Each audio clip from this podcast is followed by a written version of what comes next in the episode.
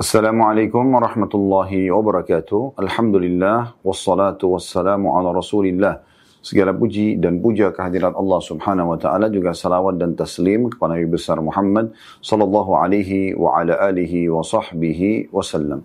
Saudaraku seiman seperti biasa di eh, hari Rabu siang hari pukul kurang lebih 12.30 waktu Indonesia Barat kita akan melanjutkan buku kita Riyadus Salihin tulis oleh Imam Nawawi rahimahullah dan pada kesempatan ini kita akan masuk insya Allah bab baru bab ke-95 bab anjuran memberi kabar gembira dan ucapan selamat kepada orang yang mendapatkan kebaikan.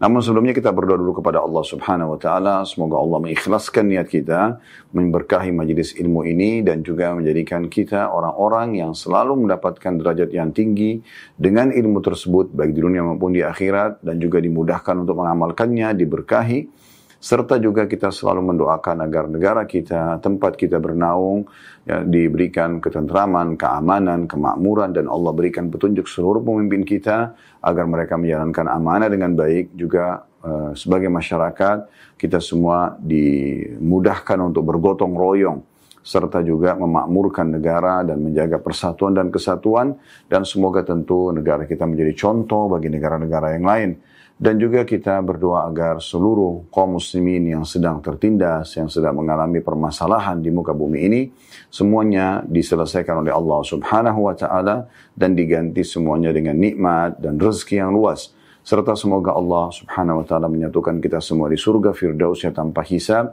kelak di akhirat sana. Allahumma amin.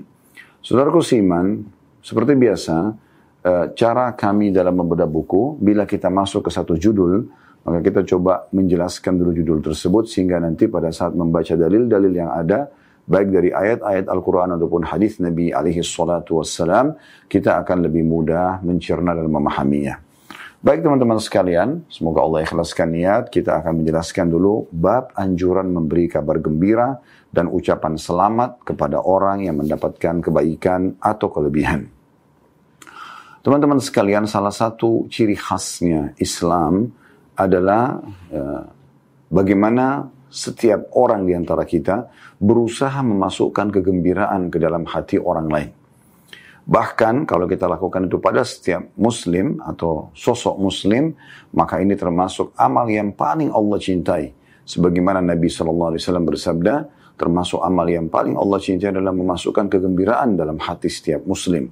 Namun ini berlaku juga kalau kita menyampaikan kegembiraan atau menyampaikan ya uh, sebuah berita gembira ataupun kita membahagiakan orang lain walaupun mereka non muslim seperti misalnya kita berbagi makanan, minuman, pakaian, tempat tinggal, transportasi, anjuran, nasihat, ya, masukan positif, ide-ide yang bagus ya. Semua ini tentunya akan bernilai pahala di sisi Allah Subhanahu wa taala dan masuk dalam umumnya sabda Nabi sallallahu alaihi wasallam, khairun nas anfa'um nas Manusia yang paling baik adalah manusia yang paling bermanfaat bagi manusia yang lainnya. Dia tidak egoisme, memikirkan dirinya sendiri, tapi bagaimana dia memikirkan juga orang lain.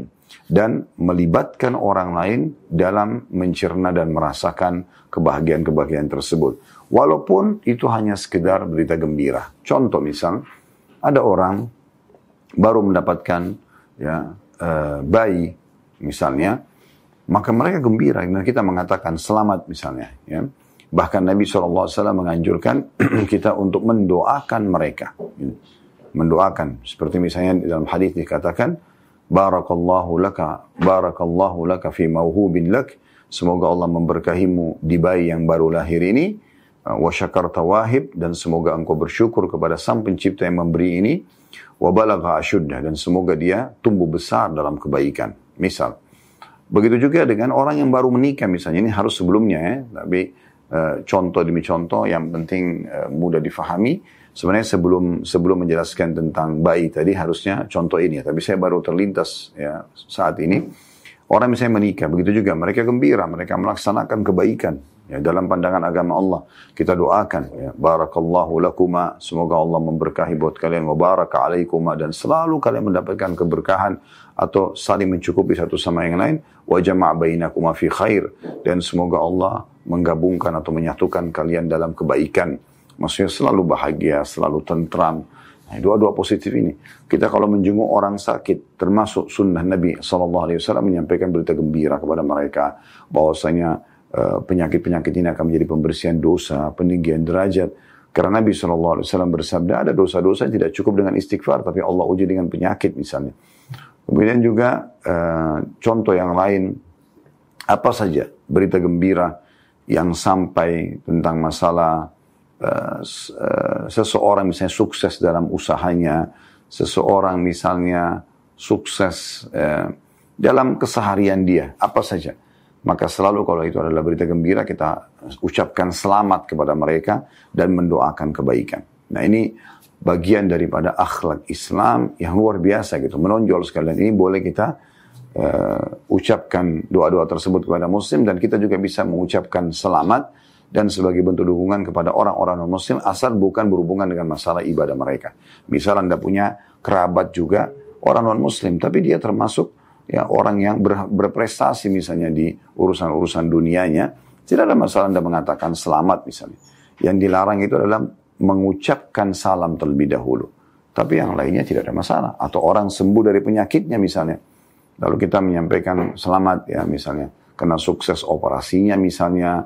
Atau sembuh dari penyakit yang tadinya uh, dia memang sulit sekali untuk berobat. Ya, atau sembuh misalnya. Bukan berobat, sulit untuk sembuh misalnya. Tapi kuasa Allah, Allah sembuhkan misalnya. Dan semua segala sesuatunya yang berhubungan dengan masalah hal-hal yang baik dalam pandangan syariat Allah SWT kita dianjurkan untuk menyampaikan ucapan selamat. Nah ini kurang lebih gambaran tentang masalah bab kita.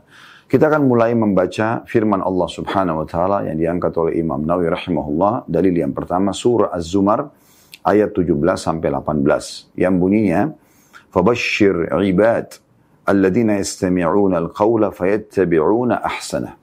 Al-ayah artinya Sebab itu sampaikanlah kabar gembira kepada hamba-hamba wahai Muhammad, hamba-hambaku. Ya Allah SWT menyampaikan, suruh sampaikan, Nabi SAW diperintahkan untuk menyampaikan kabar gembira kepada hamba-hambanya, yaitu mereka yang mendengarkan perkataan, mendengarkan perintah, lalu mengikuti apa yang paling baik di antaranya. Ya, mengerjakan perintah, meninggalkan larangan, maka dia mengikuti itu.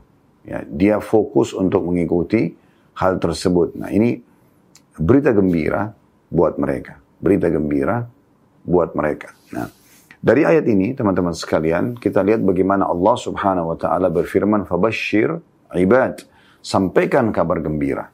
Jadi kalau misalnya ada orang yang selepas mengerjakan sebuah ibadah, orang selepas sholat, orang selepas puasa, orang uh, selepas bersedekah, haji dan umroh, apa saja. Tidak ada salahnya kita mengatakan, Masya Allah, semoga Allah kabulkan, semoga Allah berikan pahala yang sempurna. Nah ini termasuk gitu. Ucapan seperti ini masuk dalam apa yang sedang kita bahas ya. Bahkan dari ayat ini eh, Allah subhanahu wa ta'ala menyuruh Nabi Muhammad SAW menyampaikan dengan sangat terbuka kepada semua hamba-hamba yang sudah patuh. Ya. Bahwasanya mereka pasti akan mendapatkan balasan yang sempurna dari Allah Subhanahu wa taala. Tidak ada amal yang dikerjakan dari kebaikan yang sia-sia. Semua pasti akan dibalas ya, walaupun kecil.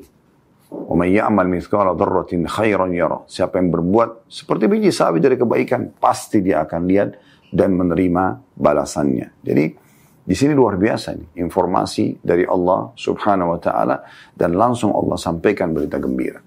Sebagai orang beriman, kita hanya tinggal bersabar sebentar melalui kehidupan dunia ini dengan menjalankan ketaatan-ketaatan kepada Allah Subhanahu wa taala. Toh juga dalam melaksanakan ketaatan tersebut ada kenikmatan.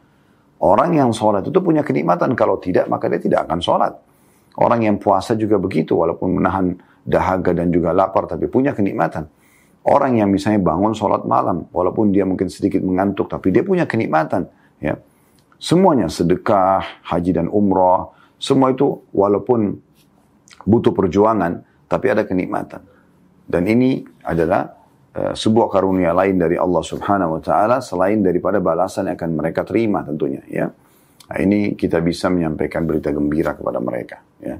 Orang yang pernah ada satu syekh menceritakan tentang uh, putra dari Saudi dan dia uh, datang ke Mesir uh, kemudian saya pernah lihat cuplikan ceramahnya ya Kemudian uh, dia menyampaikan satu informasi, dia mampir ke satu masjid di kota Kairo, pada saat itu tengah malam, dia sempat masuk ke dalam masjid, kemudian dia temukan ada orang sendirian di dekat mihrab uh, imam, lagi sujud dan lagi menangis berdoa kepada Allah Subhanahu wa taala.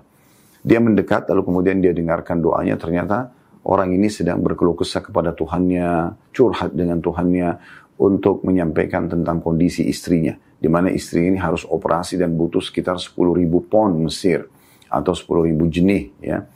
Nah pada saat itu uh, Syekh ini mendekati dan selepas, selepas itu berdoa ditanya, ada apa dengan anda? Dia mengatakan, demi Allah istri saya harus operasi dan butuh dana. Saya tidak ada dana. Dan saya tidak tahu harus ke mana dana sebesar ini. 10 ribu pon Mesir ini bukan dana yang kecil bagi orang tersebut karena memang dia tidak mampu gitu. Lalu saya mengeluhkan ini kepada Allah subhanahu wa ta'ala. Lalu apa kata Syekh ini? Terima berita gembira. Nah, ini saksi bahasan kita. Terima berita gembira. Apa yang Anda lakukan ini cara yang paling terbaik. Lanjutkan saja. Dan Allah akan berikan jalan keluarnya. Kata syekhnya, saya pun meninggalkan orang tersebut dalam kondisi dia larut dengan nikmatnya doanya, curhatnya dengan Tuhannya gitu. Kemudian saya istirahat sejenak, menjelang azan subuh atau azan subuh saya dibangunkan oleh pengurus masjid, kemudian uh, untuk mengerjakan sholat subuh dan mereka meminta agar saya uh, mengimami sholat pada saat itu. Dia bilang saya pun mengimami sholat pada saat itu dan selepas salam ada satu orang di belakang sab saya atau di sab pertama Tiba-tiba datang dan salaman sambil mengatakan, Syekh, Masya Allah, saya senang sekali bisa bertemu dengan Anda. Saya termasuk penggemar Anda di Youtube. Ya, karena ngikutin kajian Syekhnya di online gitu. Saya tadi ingin sholat di tempat lain, tapi eh, saya kebetulan tinggal di apartemen di sebelah masjid ini dan saya dengarkan di mikrofon seperti suara Anda. Maka saya pun turun segera untuk sholat sini dan Alhamdulillah akhirnya saya bertemu dengan Anda. Kata syekhnya Alhamdulillah. Terus dia mengatakan kata-kata yang unik. Orang ini dia mengatakan Syekh, saya kebetulan Alhamdulillah orang yang mampu dan saya punya zakat yang belum saya keluarkan. Jumlahnya 10 ribu pon. Persis seperti jumlah yang dibutuhkan oleh orang yang susah tadi. Saya ingin sekali 10 ribu pon ini saya berikan kepada satu orang hamba Allah yang menyelesaikan permasalahannya. Apakah bisa Anda bantu? Syekhnya tiba-tiba mengatakan tentu saja bisa. Lalu beliau mencari di soft mana tadi bapak yang tengah malam itu berdoa-doa kepada Allah atau berdoa kepada Allah Subhanahu wa taala. Ditemukan ada di ujung soft di saat pertama. Maka syekhnya panggil. Lalu orang itu datang. Kata syekhnya, e, coba sampaikan ada permasalahan apa yang sedang Anda hadapi. Dia mengatakan saya demi Allah sedang menghadapi permasalahan butuh uang 10 ribu pound untuk operasi istri saya dan saya tidak tahu harus ke mana. Kata syekhnya, subhanallah Allah sudah menjawab permintaan Anda. Ini orang kaya, dia punya zakat yang dia ingin keluarkan 10 ribu pound, maka bisa Anda terima dari dia. Maka mereka pun larut dengan tangisan karena luar biasanya depan mata mereka Allah subhanahu wa ta'ala memperlihatkan ya kemahakuasaannya. Maka si kaya memberikan kepada si miskin ini dan si miskin akhirnya bisa uh, melanjutkan operasi keluarganya. Nah ini contoh berita gembira, bisa menyampaikan berita gembira. Anak-anak Anda kalau lagi ibadah, Anda sampaikan berita gembira ya nak, insya Allah dengan ini Allah akan berikan kebaikan dunia, kebaikan akhirat, dan seterusnya. Ya. Baik, selanjutnya, di sini juga dari ayat kita bisa lihat selain menyampaikan berita gembira, Allah mengatakan, ya, kegembiraan berita gembira itu disampaikan kepada orang-orang yattabi'una ahsana, yastami'una al-qawla wa yattabi'una yattabi'una ahsana orang yang mengikuti dan mau mendengarkan ya, penyampaian dari Allah Subhanahu wa taala, perintah-perintah Allah Subhanahu wa taala, syariat Allah Subhanahu wa taala, panduan hidup, mana halal, mana haram. Kemudian mereka mengikuti dengan cara yang terbaik. Artinya sesuai dengan panduan wahyu, sesuai dengan contoh dari Nabi Shallallahu Alaihi Wasallam, sesuai dengan yang dinukil kepada kita dari para sahabat ridwanullahi alaihim. Ya, sehingga akhirnya kita betul-betul seperti apa yang Allah inginkan tanpa kita menambahnya, mengarang-arangnya sehingga betul-betul pasti mendapatkan balasan dari sisi Allah Subhanahu wa taala. Baik, selanjutnya dari kedua diangkat oleh Imam Nawawi rahimahullah adalah surah At-Taubah ayat 21. Yang berbunyi Allah taala berfirman, Yubashiruhum rabbuhum birahmatin minhu wa ridwanin wa jannatin lahum fiha na'imun mukim. Tuhan mereka menggembirakan mereka dengan memberikan rahmat dari sisinya, keridhaan dan juga surga, mereka memperoleh kesenangan yang kekal di dalamnya. Maksudnya nanti orang-orang beriman diberitahukan berita gembira dari di dunia.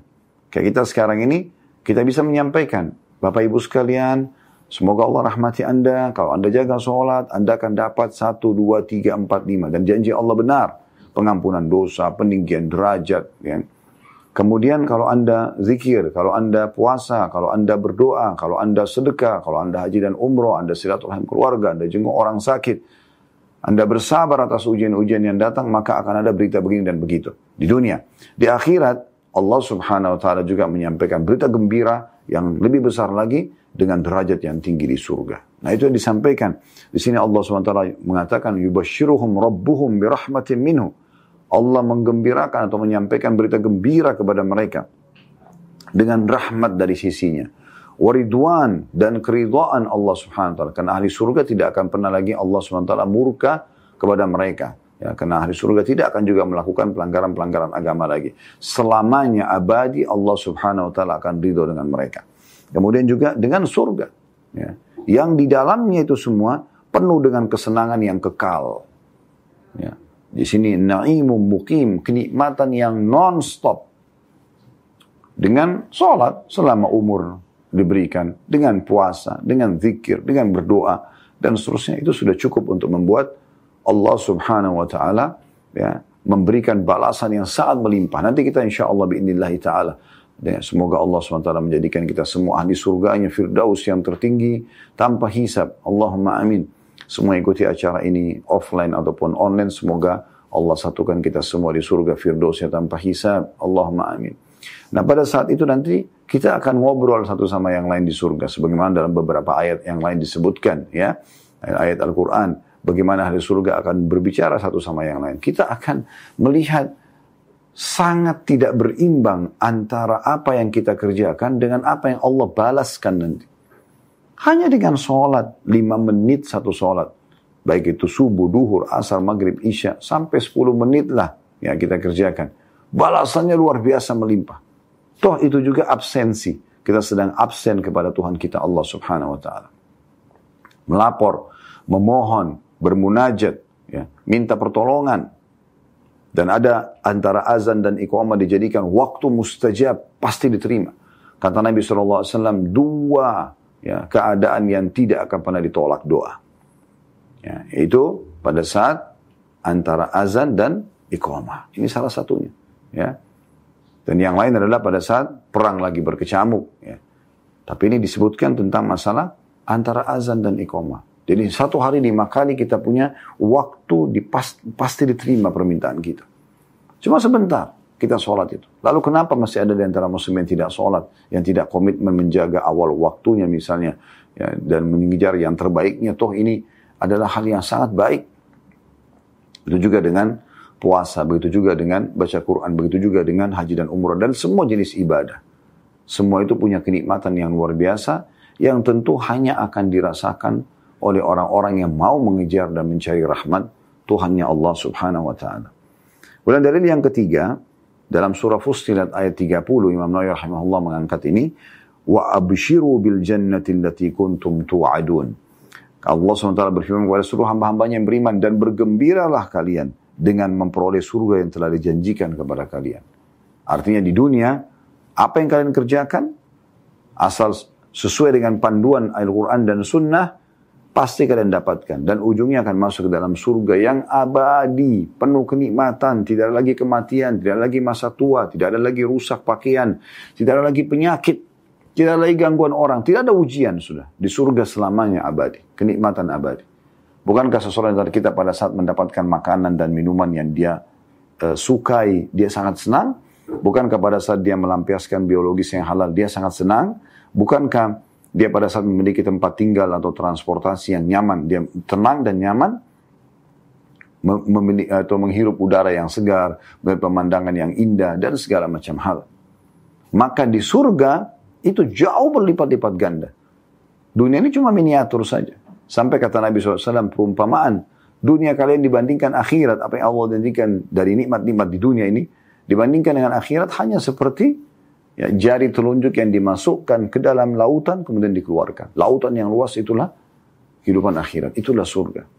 Tidak tidak berimbang antara apa yang kita kerjakan dengan balasan ya dari Allah Subhanahu wa taala. Oleh karena itu muslimin dan muslimat bersabarlah dan nikmatilah ibadah kalian. Tinggalkanlah yang dilarang waktu sebentar, pasti kita akan menuju kepada kematian dan pasti janji Allah itu benar semuanya. Oleh karena itu ini berita gembira dari Allah Subhanahu wa taala wa abshiru bil jannati allati kuntum tu'adun. Terima berita gembira dengan surga yang telah dijanjikan untuk kalian.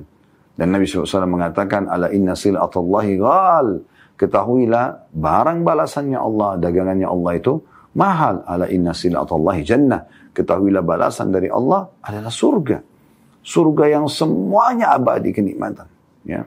Anda bisa ikutin di playlist YouTube kami insya Allah. Ada bahasan dan beda buku tentang Rasulullah SAW cerita tentang surga dan neraka. Di situ Anda akan bisa melihat 30 bab semuanya tentang surga. Bau aromanya surga, pakaiannya ahli surga, makanannya ahli surga, istananya ahli surga, pasangan hidup ahli surga.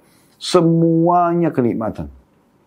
Dan memang sudah cukup sabda Nabi SAW, surga itu semua di dalamnya. Mala ainun ra'at, belum pernah mata lihat. Wala udunun samiat, dan belum pernah telinga dengarkan. Wala khatar ala qalbi bashar, tidak pernah terlintas di hati manusia. Tidak pernah. Tidak akan pernah yang apa yang di surga itu terlintas di benak kita. Pada saat kita lihat kita terkaget dan kagum luar biasa. Ya, sampai kata Nabi SAW dalam salah satu hadis tentang surga ini hanya berbagi saja ya.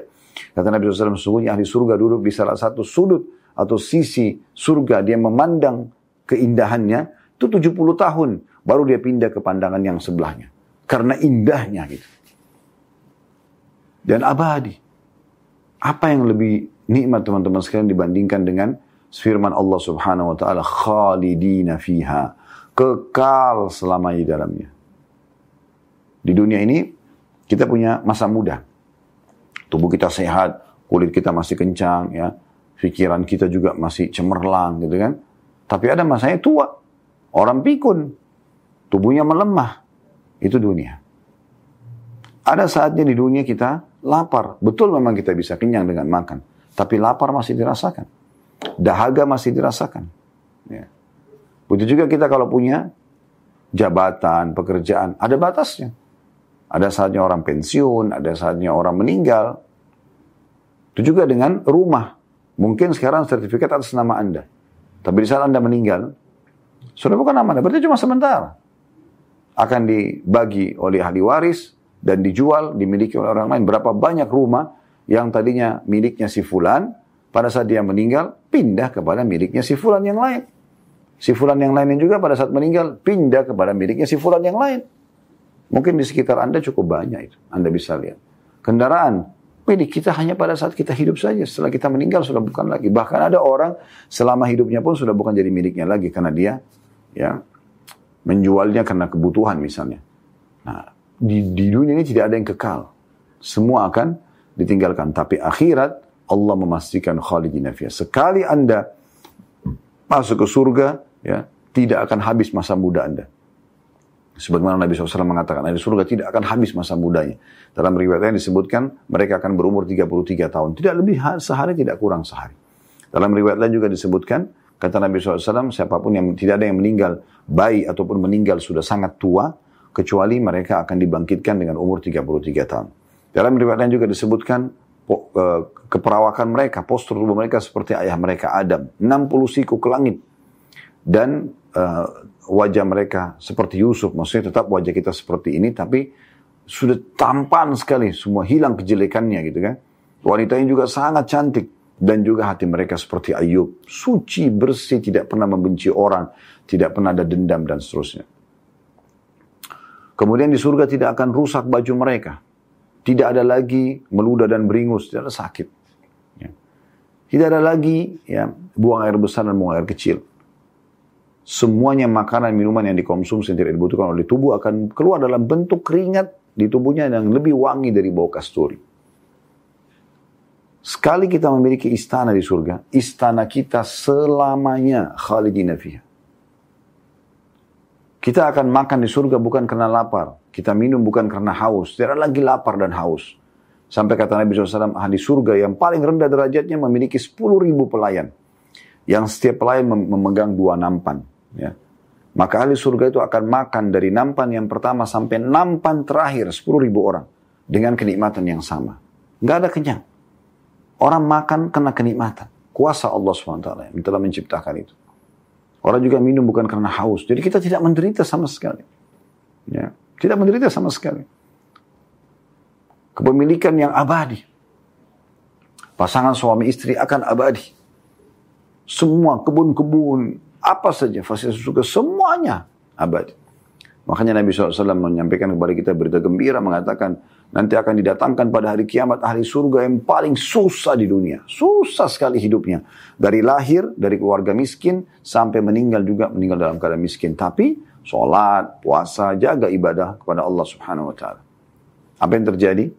Kata Nabi SAW di hari kiamat didatangkan nanti dicelupkan satu celupan di surga dikeluarkan. Lalu ditanya, pernah nggak engkau merasakan penderitaan selama ini? Pernah susah nggak hidupmu?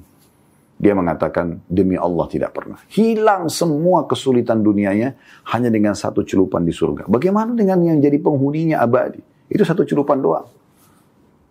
Cuma satu celupan saja. Sudah cukup menghilangkan semua kesulitan dunia. Dan sebaliknya akan datangkan orang yang paling bahagia di dunia, tapi dari ahli neraka. Dari lahir sudah jadi anak raja, tinggal di istana sampai meninggal juga di istana. Dunia tidak kurang. Tapi ahli neraka. Gak beriman kepada Allah SWT. Didatangkan hari kiamat, dicelupkan satu celupan dalam neraka. Dikeluarkan, ditanya, pernah nggak kamu rasa kenikmatan selama ini? Kamu pernah bahagia nggak selama ini? Jawabannya demi Allah tidak pernah. Hilang, buyar semua, karena siksaan yang pedih di api neraka itu. Maka dalam riwayat lain juga disebutkan, pada saat Allah subhanahu wa ta'ala menciptakan surga, Allah memerintahkan Jibril untuk datang melihatnya. Lalu setelah itu Allah lebih tahu, cuman Allah ingin menyampaikan kepada Jibril, coba lihat surga itu dan berikan apa, apa pendapatmu. Bukan berikan pendapat, Allah tidak butuh pendapat, tapi ini Allah tanyakan, apa yang sudah kamu lihat? Bagaimana surga itu? Maka dia mengatakan, Ya Allah, tidak ada orang yang mendengarkan dari hambamu surga. Bukan cuma lihat dengar saja. Kecuali pasti dia berharap jadi penghuninya karena luar biasa nikmatnya. Ini Jibril alaihissalam, malaikat yang mulia. gitu kan. Memang sudah hidup di langit sana. Ya. Di sekitar surga, tahu semua fasilitas yang Allah berikan. Langsung mengatakan tidak ada seorang hambamu pun yang mendengarkan kecuali mereka berharap jadi penghuninya. Lalu kemudian Allah menyuruh lagi ke neraka. Lihat neraka tersebut. Kemudian dia melihat siksaan yang luar biasa. Lalu Allah mengatakan, bagaimana? Dia mengatakan, Ya Allah tidak ada hambamu yang mendengarkan neraka kecuali mereka pasti akan selalu berlindung dan menjauhkan diri darinya. Lalu Allah subhanahu wa ta'ala menghiasi surga dengan hal-hal yang tidak disukai. Bangun sholat malam, sedekah, ya menjauhi yang haram, menjanjikan perintah.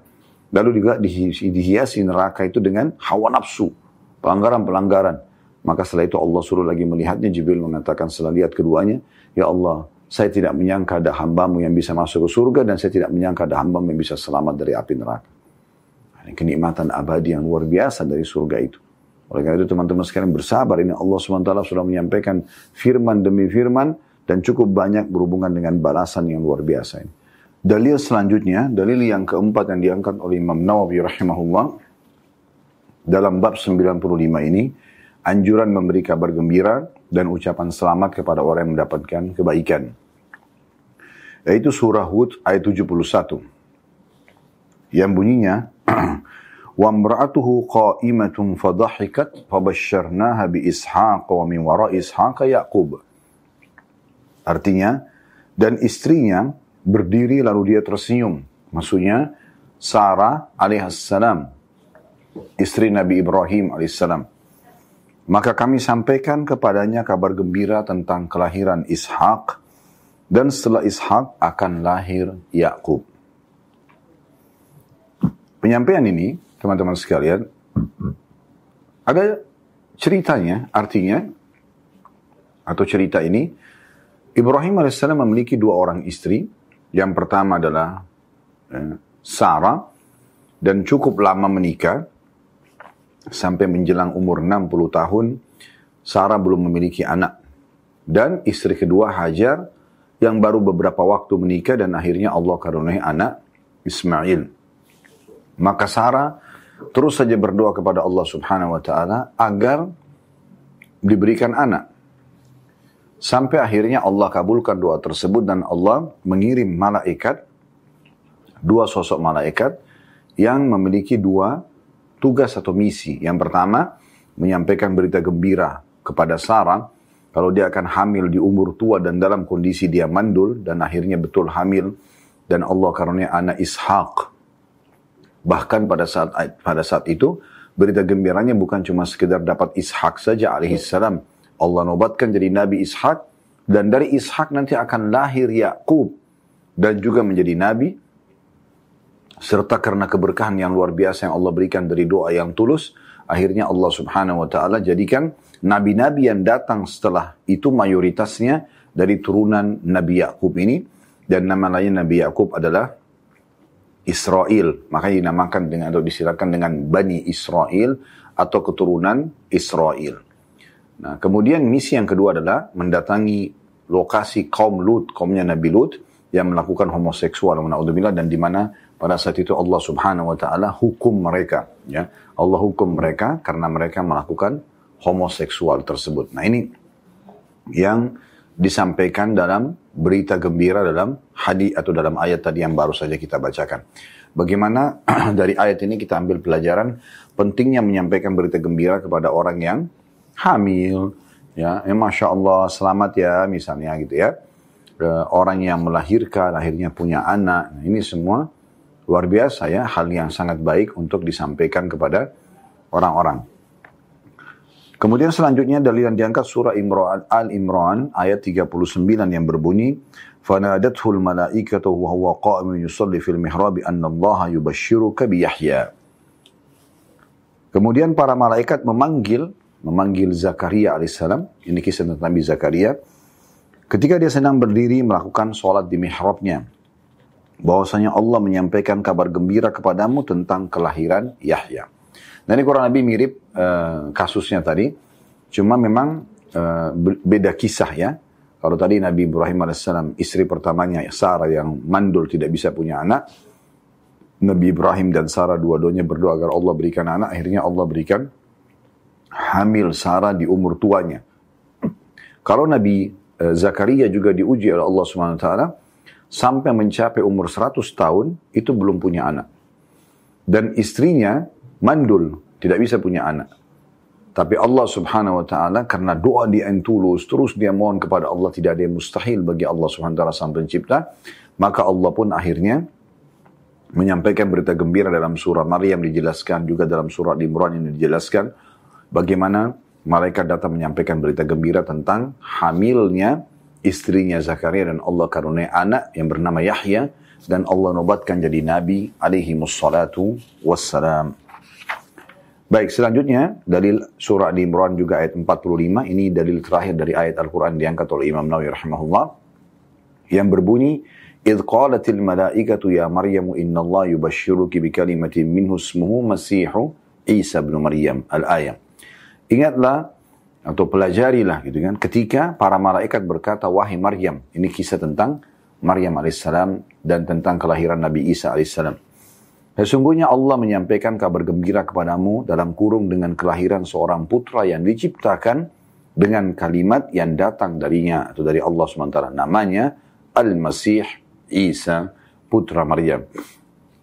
Nah ini di sini juga Allah Subhanahu wa taala menyampaikan berita gembira dengan akan hamilnya ya uh, Maryam alaihissalam dan di sini juga kita berarti bisa menyampaikan berita gembira seperti ini kepada orang-orang ibu-ibu yang hamilnya Allah karuniai uh, karunia ini tentunya. Tapi saran kami tentunya jangan terlalu diekspos, apalagi di masa kita melalui media.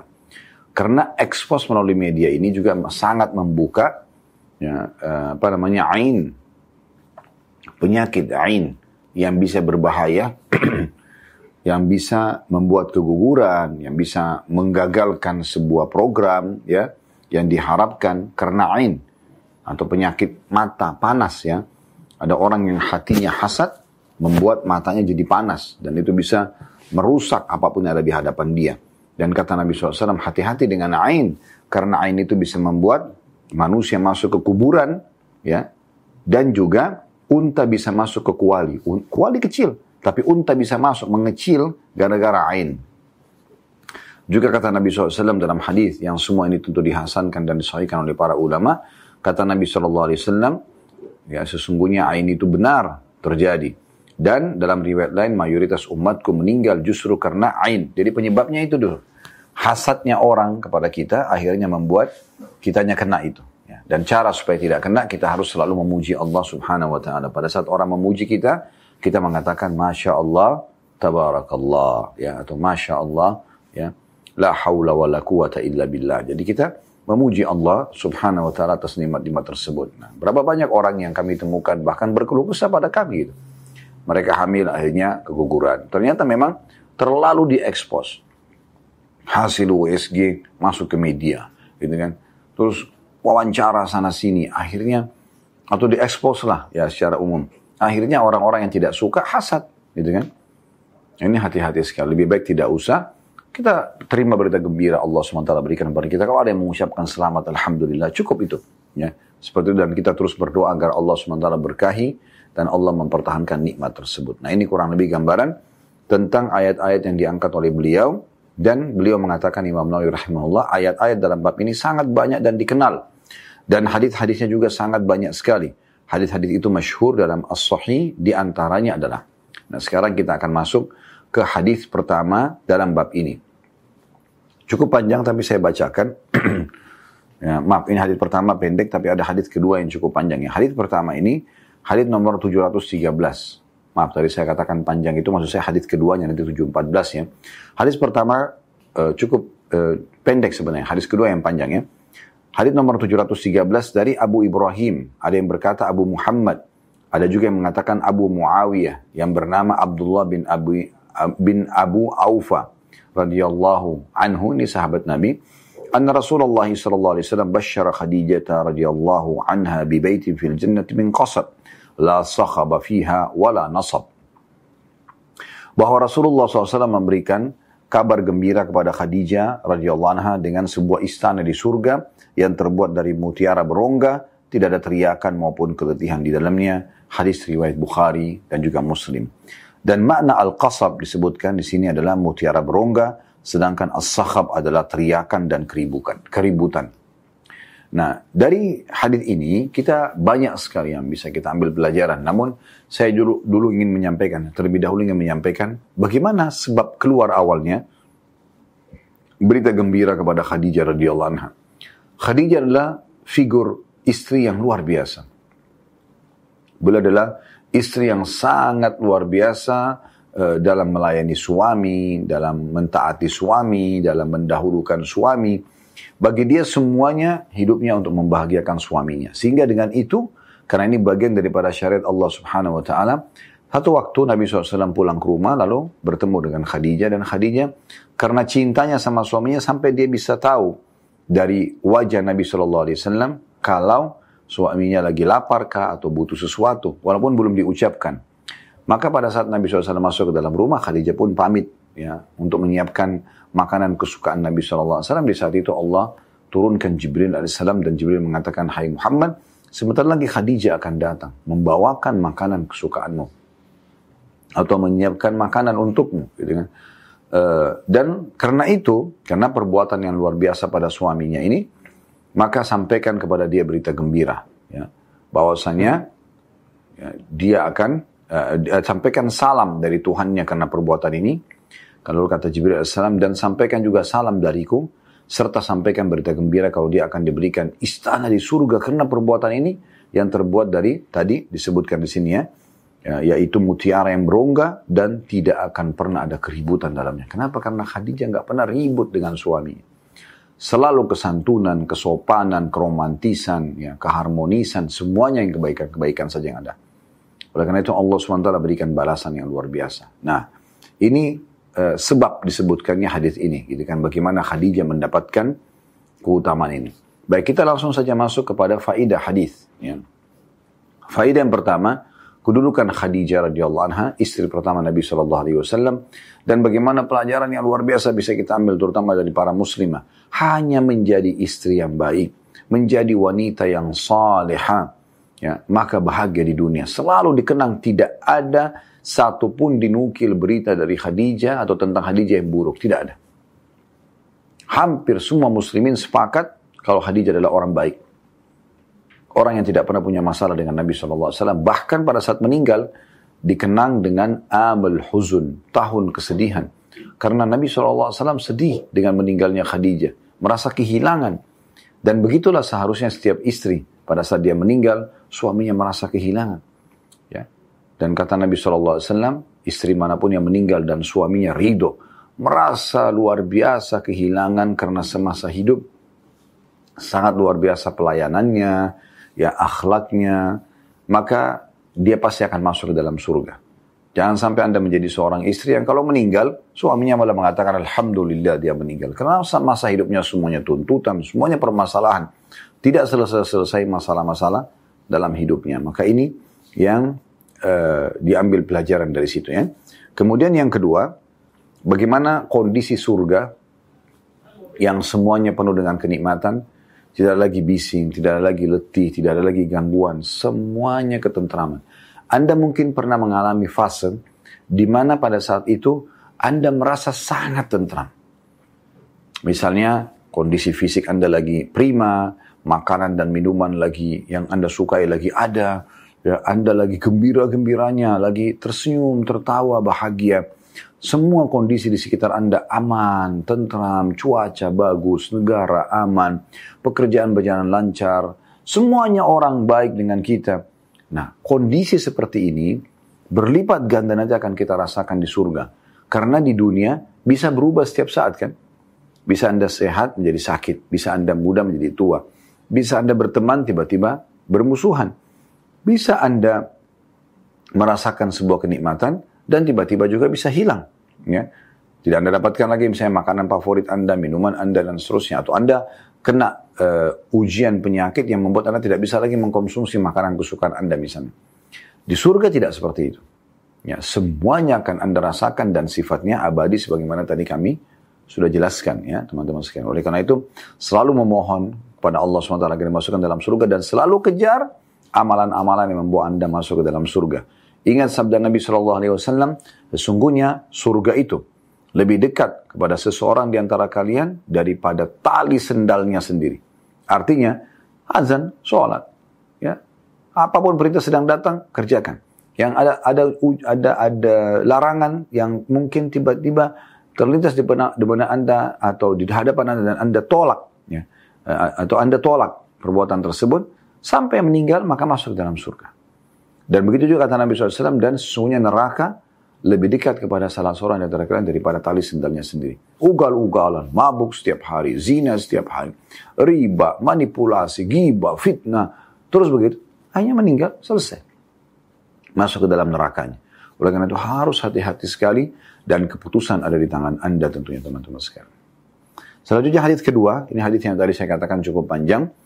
Dari Abu Musa al-Ash'ari radhiyallahu anhum, أنه توضأ في بيته ثم خرج فقال لألزمن رسول الله صلى الله عليه وسلم ولأكونن معه يوم هذا. فجاء المسجد فسأل عن النبي صلى الله عليه وسلم فقالوا وجهها هنا. قال فخرجت على أثره أسأل عنه حتى دخل بئر عريش atau bi'ra arisin ya pakai sin tadi ya. Saya keliru mengucapkan dengan shin. Maaf hatta dakhala bi'ra arisin فجلست عند الباب حتى قضى رسول الله صلى الله عليه وسلم حاجته وتوضأ.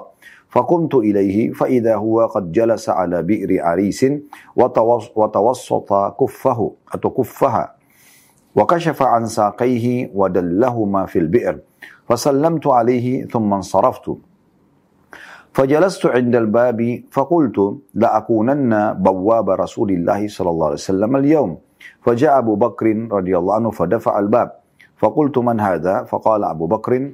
فقلت على رسل على رسلك. ثم ذهبت فقلت يا رسول الله هذا أبو بكر يستأذن. فقال ائذن له بشره بالجنة. فأقبلت حتى قلت لأبي بكر ادخل ورسول الله صلى الله عليه وسلم يبشرك بالجنة. فدخل أبو بكر حتى جلس عن يمين عن يمين النبي صلى الله عليه وسلم معه في الكف. ودل رجليه في البئر كما صنع رسول الله صلى الله عليه وسلم وكشف عن ساقيه. ثم رجعت وجلست وقد تركت أخي يتوضأ ويلحق ويلحقني. فقلت إن يريد الله في فلان أو يريد أخاه خيرا يأتي به. فإذا إنسان يحرك الباب. فقلت من هذا؟ فقال عمر بن الخطاب. فقلت على رسلك. ثم جئت إلى رسول الله صلى الله عليه وسلم فسلمت عليه وقلت هذا عمر يستأذن. فقال إذن له بشره بالجنة. فجئت عمر فقلت أذن ويبشرك رسول الله صلى الله عليه وسلم بالجنة. فدخل فجلس مع رسول الله صلى الله عليه وسلم في الكف عن يساره ودل رجليه في البئر. ثم رجعت فجلست فقلت إن يريد الله في فلان خيرا يعني أخاه يأتي به. فجاء إنسان فحرك الباب. فقلت من هذا؟ فقال عثمان بن عفان. فقلت على رسلك. وجئت النبي صلى الله عليه وسلم فأخبرته. فقال ائذن له وبشره بالجنة مع بلوى تصيبه. فجئت فقلت ادخل ويبشرك رسول الله صلى الله عليه وسلم بالجنة مع بلوى تصيبك. فدخل فوجد الكف قد ملئ. فجلس وجاههم من الشك الآخر. Qala Sa'id Qala Sa'id bin Musayyib fa'awwaltuha kuburahum. Terjemahannya yang tadi hadis cukup banyak saya bacakan dalam bahasa Arab bahwa ini Abu Musa al-Ash'ari radhiyallahu anhu berkata bahwa dia berudu di rumahnya, dia berudu di rumahnya, kemudian dia keluar rumah dan berkata, sepanjang hariku hari ini aku akan mengikuti Rasulullah saw dan selalu bersama beliau. Nah ini sekaligus kita ambil saja langsung pelajarannya ya. Bahwasanya pelajaran pertama dari hadis adalah kedudukan Abu Musa al-Asy'ari radhiyallahu anhu.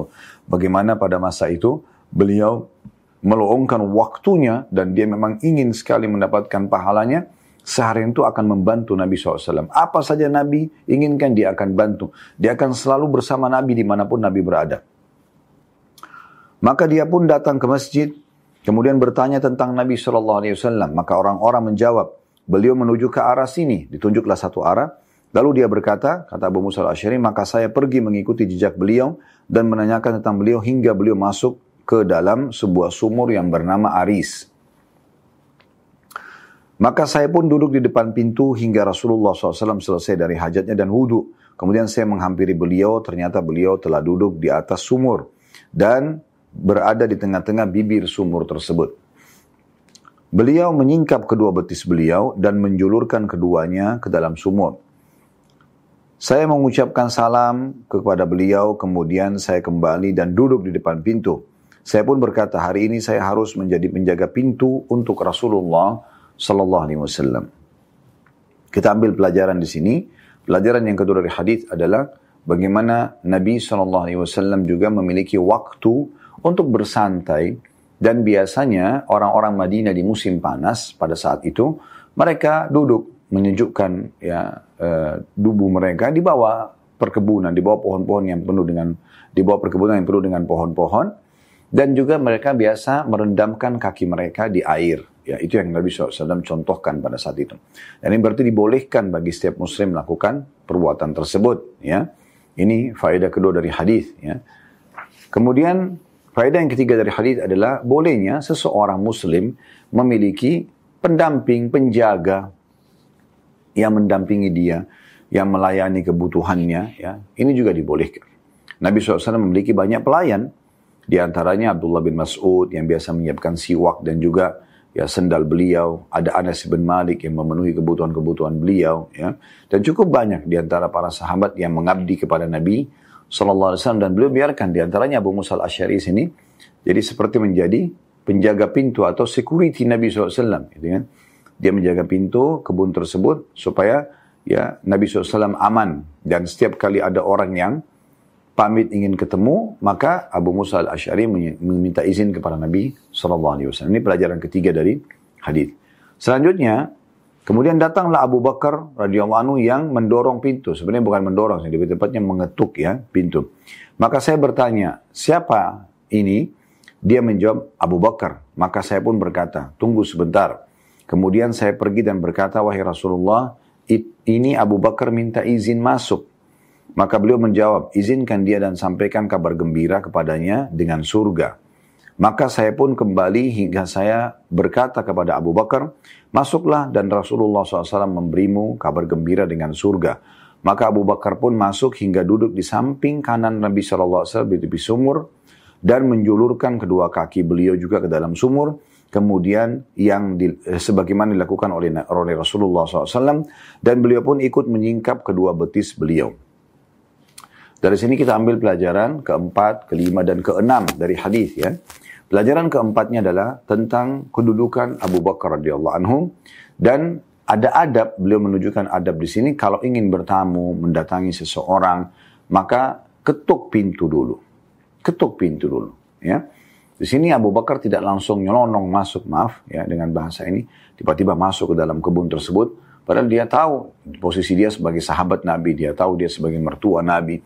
Dan pasti Nabi tidak akan larang gitu tapi karena sudah ada Abu Musa al-Asyari yang menjaga depan pintu kebun, maka beliau pun pamit untuk masuk dengan mengetuk uh, apa pintu kebun tersebut. Ya. Kemudian Abu Musa al-Asyari sebagai penjaga mengatakan tunggu sebentar sampai saya izinkan anda dari Nabi. Sampainya disampaikan kepada Nabi SAW dan Nabi izinkan dan menyampaikan berita gembira tentang surga. Eh, di sini ada uh, poin uh, pelajaran keempat yang bisa kita ambil Uh, mungkin kita masuk ke poin, tidak uh, usah dulu tentang keutamaan Abu Bakar, tapi faedah keempatnya adalah adab orang kalau sedang bertamu atau mengunjungi seseorang, yaitu dengan meminta izin, ya, mengetuk, Anda datang ke rumah orang, ketuk dulu, minta izin dulu, uh, kalau bisa Anda informasikan sebelumnya Anda akan datang, tidak usah buat kejutan-kejutan, ya, tiba-tiba datang, mungkin orang belum siap untuk bisa menerima kita misalnya sebagai tamu, nah ini termasuk adabnya, ya, Bahkan kepada pasangan kita sendiri kita tidak usah buat kejutan. Ya. Sampaikan kalau kita akan datang, sampaikan kalau kita akan memberi misalnya. Itu sangat baik ya. Karena kata Nabi SAW, janganlah seseorang di antara kalian datang dari safar, kemudian dia tiba-tiba buat kejutan untuk istrinya. Berikanlah berita kepada istri tersebut agar mereka bisa menyisir rambut mereka dan juga mencukur bulu kemaluan mereka. Maksudnya mereka bersih-bersih, rapi-rapi, supaya kalau terjadi interaksi biologis juga ya nyaman ya seperti itu. Pelajaran yang kelima dari hadis adalah tentang masalah kedudukan Abu Bakar. Di sini kita baru masuk kedudukan Abu Bakar radhiyallahu anhu karena pada saat mereka atau beliau diizinkan Nabi SAW menyampaikan berita gembira, diizinkan dan diberikan berita gembira kalau dia masuk ke dalam surga. Berarti sudah ada jaminan masih hidup tapi sudah dapat jaminan surga. Dan ini keutamaan yang luar biasa. Itu pelajaran yang kelima. Pelajaran yang keenam adalah bagaimana pentingnya at-ta'assi. Ta'assi itu maksudnya mencontohi Nabi SAW. Abu Bakar ini orang yang luar biasa radhiyallahu anhu. Bagaimana beliau sangat luar biasa dalam menjalankan dan mencontohi Nabi SAW. Beliau sangat yakin apa yang Nabi kerjakan tidak mungkin salah. Sehingga beliau selalu saja mengerjakan semua apa yang Nabi kerjakan. Terbukti di sini pada saat beliau masuk ke dalam sumur, eh, ke dalam kebun, Nah, lihat Nabi SAW duduk di, di atas sumur, ya, di sekitar bibir sumur, kemudian menurunkan, menjulurkan kaki beliau ke arah sumur tersebut, ya.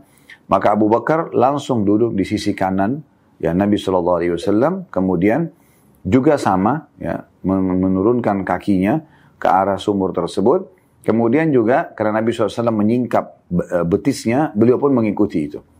Nah, ini berarti betul-betul mencontohi Nabi SAW dalam segala hal. Nah, ini salah satu ciri Abu Bakar radhiyallahu anhu. Ini faedah yang keenam yang bisa diambil. Baik, kita lanjutkan lagi paragraf selanjutnya dan kita akan masuk insya Allah faedah ketujuh nanti. Kata Abu Musa al-Ashari, kemudian saya pun kembali dan duduk dan saya telah meninggalkan saudaraku yang sedang berudu dan akan mengikutiku. Maka saya berkata, jika Allah menghendaki kebaikan bagi fulan, maksudnya adalah saudaranya, pasti dia Allah akan menghadirkannya. Ini pelajaran ketujuh yang bisa diambil dari hadis. Bagaimana seseorang berusaha agar orang-orang terdekat dengan dia mendapatkan ya hidayah, men, mendapatkan keimanan, ya, mendapatkan kabar gembira.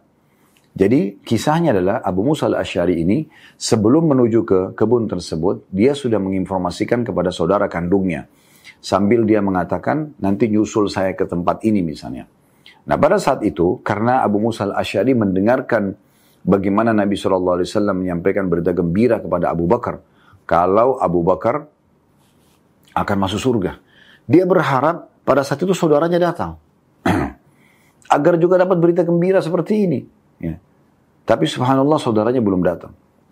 Ini pelajaran ketujuh yang bisa kita ambil dari hadis bagaimana ya seseorang berusaha memberikan yang terbaik untuk saudaranya. Dia berharap kebaikan.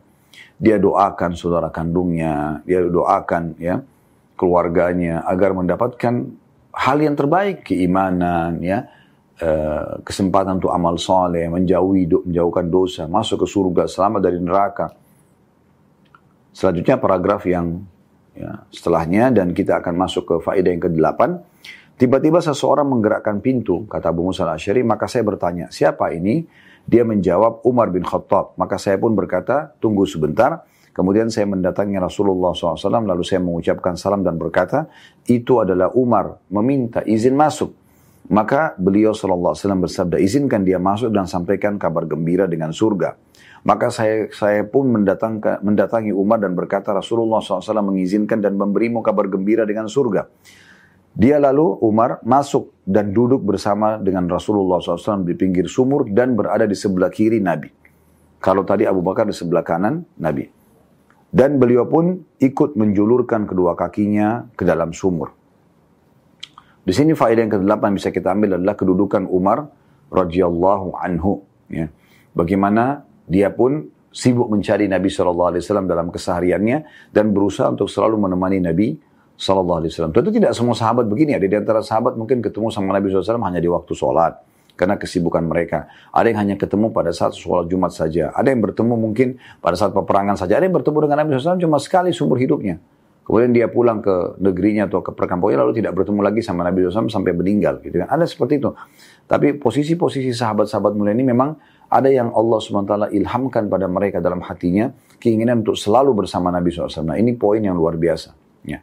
Maka di sini Nabi SAW, eh, apa, apa Umar radhiyallahu anhu, Umar radhiyallahu anhu ini eh, memiliki posisi di sini seperti Abu Bakar mencari Nabi SAW dan berusaha untuk bersama beliau. Dan juga Ya, Nabi SAW sampaikan berita gembira, dia pun akan masuk ke dalam surga. Sama Abu Bakar, masih hidup sudah dapat tiket ke surga. Artinya meninggal pasti masuk surga orang ini. Ini berita gembira luar biasa. Kalau kita kan ya, tidak mungkin bertemu lagi dengan Nabi dan Nabi tujuk langsung kamu ahli surga. Tinggal bagaimana kita mengerjakan amal-amalan yang beliau contohkan. Semoga Allah SWT berikan kepada kita surga. Tapi di sana, di masa itu luar biasa itu. Ya, kedudukan sahabat. Ketemu dengan Nabi, Nabi langsung bisa sampaikan sebagai wahyu kalau dia ahli surga. Ini faedah yang ke-8 dan Abu Bakar uh, Umar juga seperti Abu Bakar duduk di sebelah Nabi SAW dan mencontohi dan coba mencontohi apa yang Nabi SAW kerjakan.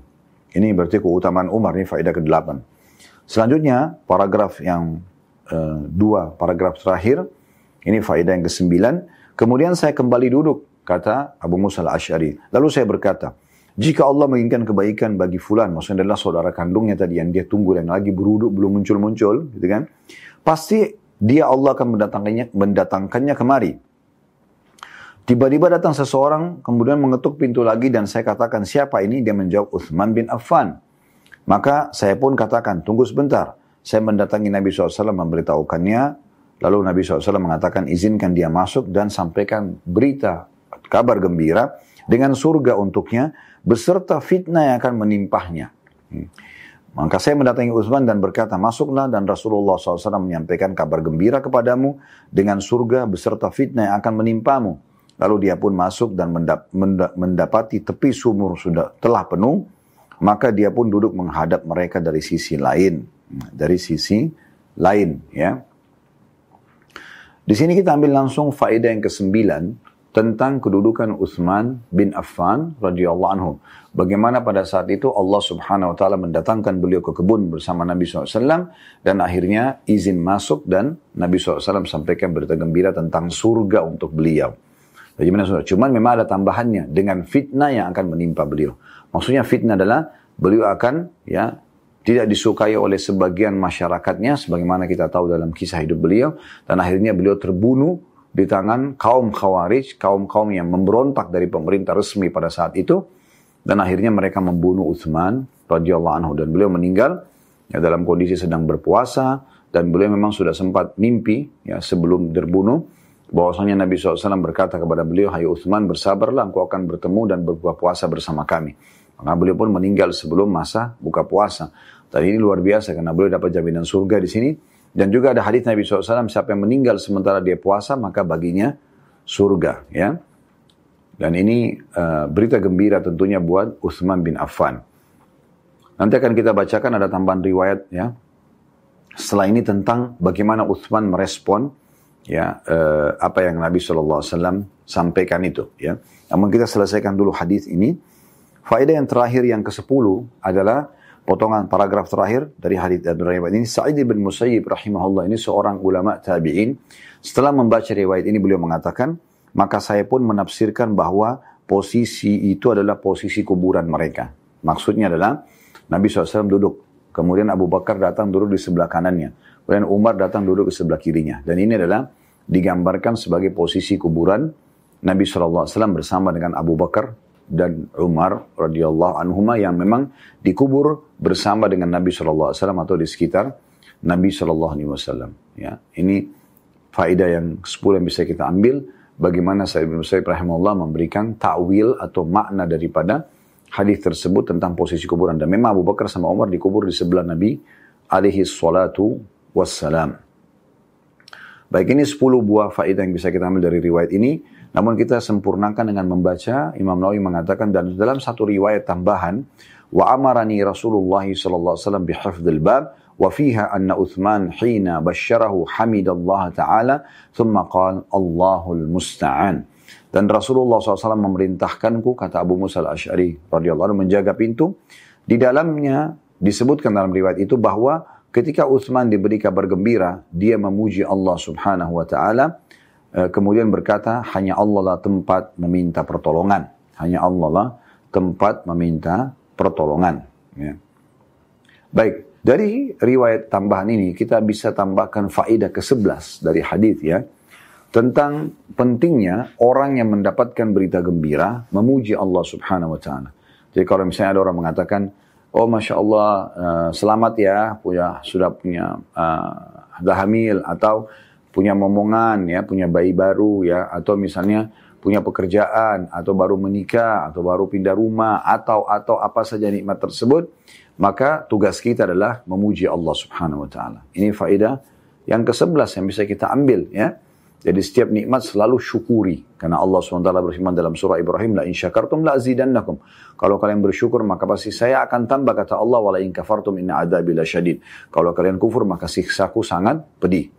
Kemudian pelajaran yang ke-12 yang terakhir yang bisa kita ambil, tentang pentingnya seseorang yang selalu meminta tolong kepada Allah Subhanahu wa Ta'ala. Kalau sampai kepadanya justru hal-hal yang dia tidak sukai, maka dia bisa mengatakan Allahul Musta'an. Allah tempat kita meminta pertolongan. Nah ini perlu untuk direalisasikan dalam kehidupan ya. Kalau di Timur Tengah sudah sering kami dengarkan dari teman-teman di sana yang tentu sudah belajar agama ya, tidak semua orang Timur Tengah. Tapi teman-teman yang kami kenal di kota Madinah dulu, di kota Mekah, umumnya di Saudi kalau bertemu, uh, kemudian sampai kepada mereka berita gembira, uh, berita sesuatu mungkin yang mereka kurang suka. Ya. Kalau mereka berita gembira, berita gembira mereka bersyukur, tapi kalau sesuatu yang mereka khawatirkan atau mereka tidak suka, mereka mengatakan Allahul Musta'an. Misalnya, oh uh, sampai berita orang tua anda meninggal, Allahul Musta'an. Ya, oh si fulan uh, telah menceritakan anda buruk, Allahul Musta'an. Allah tempat kita meminta pertolongan. Nah ini termasuk perbuatan yang sangat mulia yang harusnya dijaga oleh setiap muslim. Alhamdulillah sampai sini kita cukupkan pada pertemuan kita ini. Ke depannya kita akan lanjutkan insya Allah. Sisa ada dua buah riwayat uh, di dalam uh, bab ini yang cukup panjang. Riwayat nomor 715 ya dan juga 716. Dan teman-teman sekalian jangan lupa selalu dukung channel-channel dakwah termasuk channel kita ini. Selalu subscribe, uh, like dan juga loncengnya ditekan serta berikan komen positif bagi teman-teman di YouTube dan teman-teman di Instagram, di Facebook, mungkin juga di TikTok untuk selalu follow dan juga menyebarluaskan dakwah ini. Semoga kita juga partisipasi bersama-sama dalam meraih pahala dan jangan lupa dukung semua channel-channel dakwah yang menyampaikan tentang Islam, tentang sunnah Nabi Shallallahu Alaihi Wasallam sesuai dengan uh, pemahaman para salafus salih, para sahabat ridwanullah alaihim supaya anda pun punya andil bersama dengan ustaz-ustaz kita itu. Kalau ada benar dari Allah, kalau ada salah dari saya mohon dimaafkan. Subhanakallahumma bihamdika. Asyhadu an la ilaha illa anta wa atubu ilaik. Wassalamualaikum warahmatullahi wabarakatuh.